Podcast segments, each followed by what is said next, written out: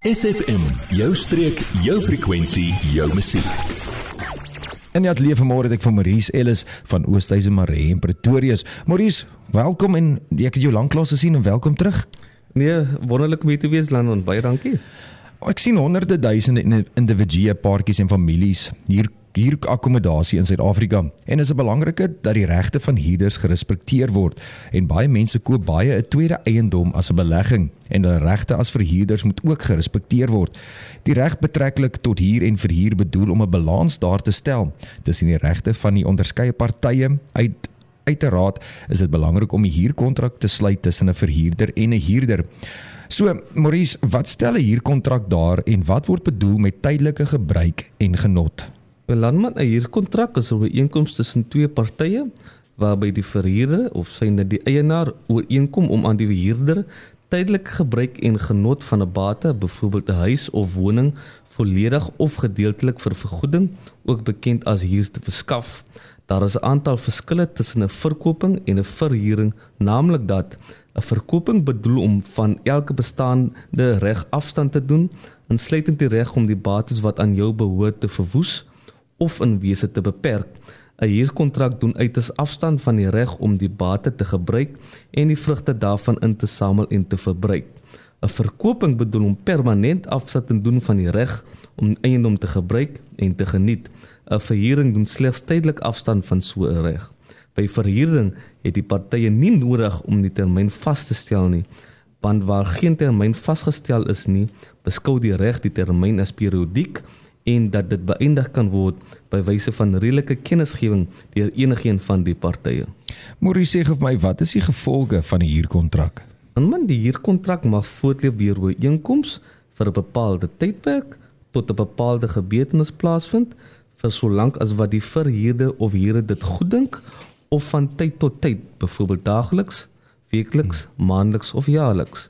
Die huurkontrak mag hernu word sodra dit verval deur middel van 'n uitdruklike hernuwing, byvoorbeeld by wyse van uitoefening van 'n opsie om te hernu, soos vervat in die huurkontrak of 'n stilswyende hernuwing, byvoorbeeld as die verhuurder die huurpaaiement aanvaar en die huurder aanhou om die eiendom te gebruik onmiddellik nadat die huurkontrak verval het of 'n eenvoudige implisiete hernuwing as die tydperk van die nuwe huurkontrak nie vasgestel was nie en verwysing na besondere bepaling afwesig is, word dit vermoed dat die eiendom opnuut verhuur is vir dieselfde huurpaaiement en met dieselfde bepalinge as voorheen, behalwe met betrekking tot die verwagte en voorsienbare bepalinge.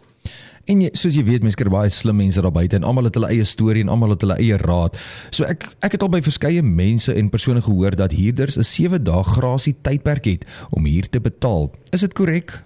Nou landman, daar is geen wet wat daarvoor voorsiening maak dat 'n huurder 'n 7 dae grasie periode het om die huur te betaal nie.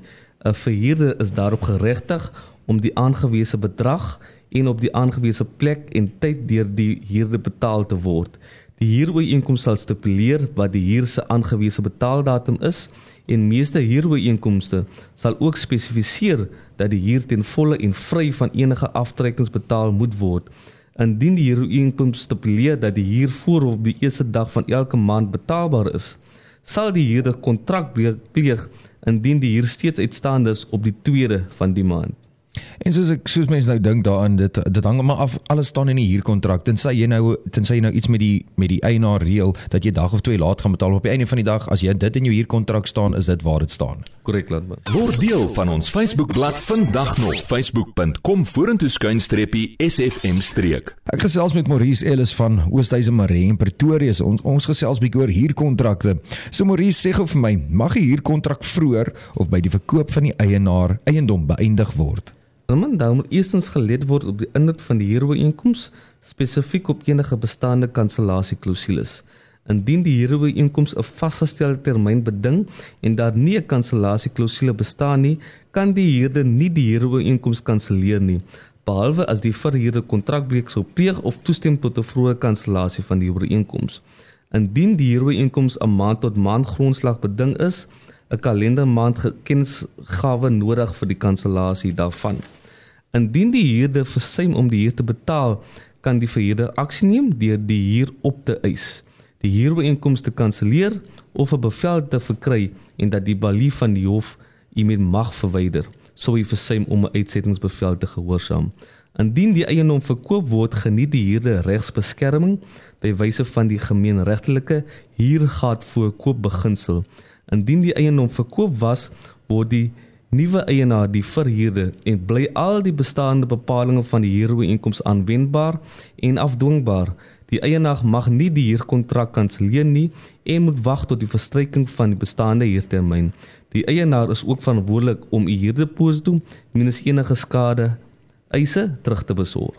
En ek dink baie vrae wat hier vir huurders nou vra is, wat kan hulle doen as verhuurder as hulle huurders nie hulle huurgelde tydelik betaal nie? Landman die huurder mag die huurder geleentheid gun om die agterstallige huur te betaal, alternatiefelik onmiddellike aanmaning bestel op die huurder wat aan hom 'n redelike tydperk, normaalweg 7 dae of afhangende van die bepalinge van die huurkontrak, gun om die kontrakbreuk reg te stel. Die verhuurder sal afskrif vir sy of haar bewaring doeleindes behou. Sodra die tydperk verstreek is en die huur nog steeds nie betaal is nie, 'n dagvaarding uitreik vir die agterstallige huur en gelykertyd ook die roerende bates op die perseel aanwesig in beslag laat neem oor die inkomste oor inkomste die verhuurder se hipoteek om die huur te verseker.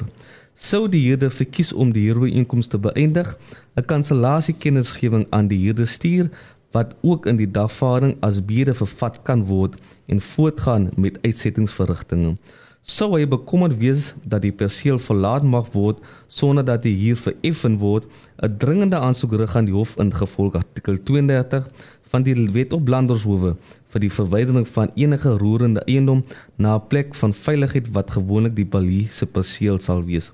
Ook ter geleegde tyd kan die verhuurder dagvaarding uitreik teen die huurder vir skade gelei deur die verhuurder sê dit vir skade aangerig aan die eiendom waarvoor daar nie voorsiening gemaak was deur die huurdeposito nie, sowel as vir verlies aan huurinkomste vir die tydperk wat dit hom of haar sal neem om 'n nuwe huurder te vind. Maurice, ek wil graag as mense nou wil meer wil uitvind oor hierdie waar kan hulle jou kontak by enige plek? Waar kan hulle jou in die hande kry om meer te weet te kom hieroor? Ja, landman, ehm um, luisteraars is meer as welkom om ons kantore te skakel by 044 601 6900. Hulle kan dan vir myself Maurice Ellis vra indien hulle enige verder navraag het. Maurice, ek sê vir jou baie baie dankie dat jy bietjie kom insig te gee oor huurkontrakte en wat jy mag en wat jy nie mag doen nie. Was heerlik om met jou te gesels en ek hoop ek sien jou gou weer. Dankie landman, ons maak so. Adverteer jou besigheid vandag nog op SFM. Vir meer inligting skakel SFM gerus by 044 801 7811.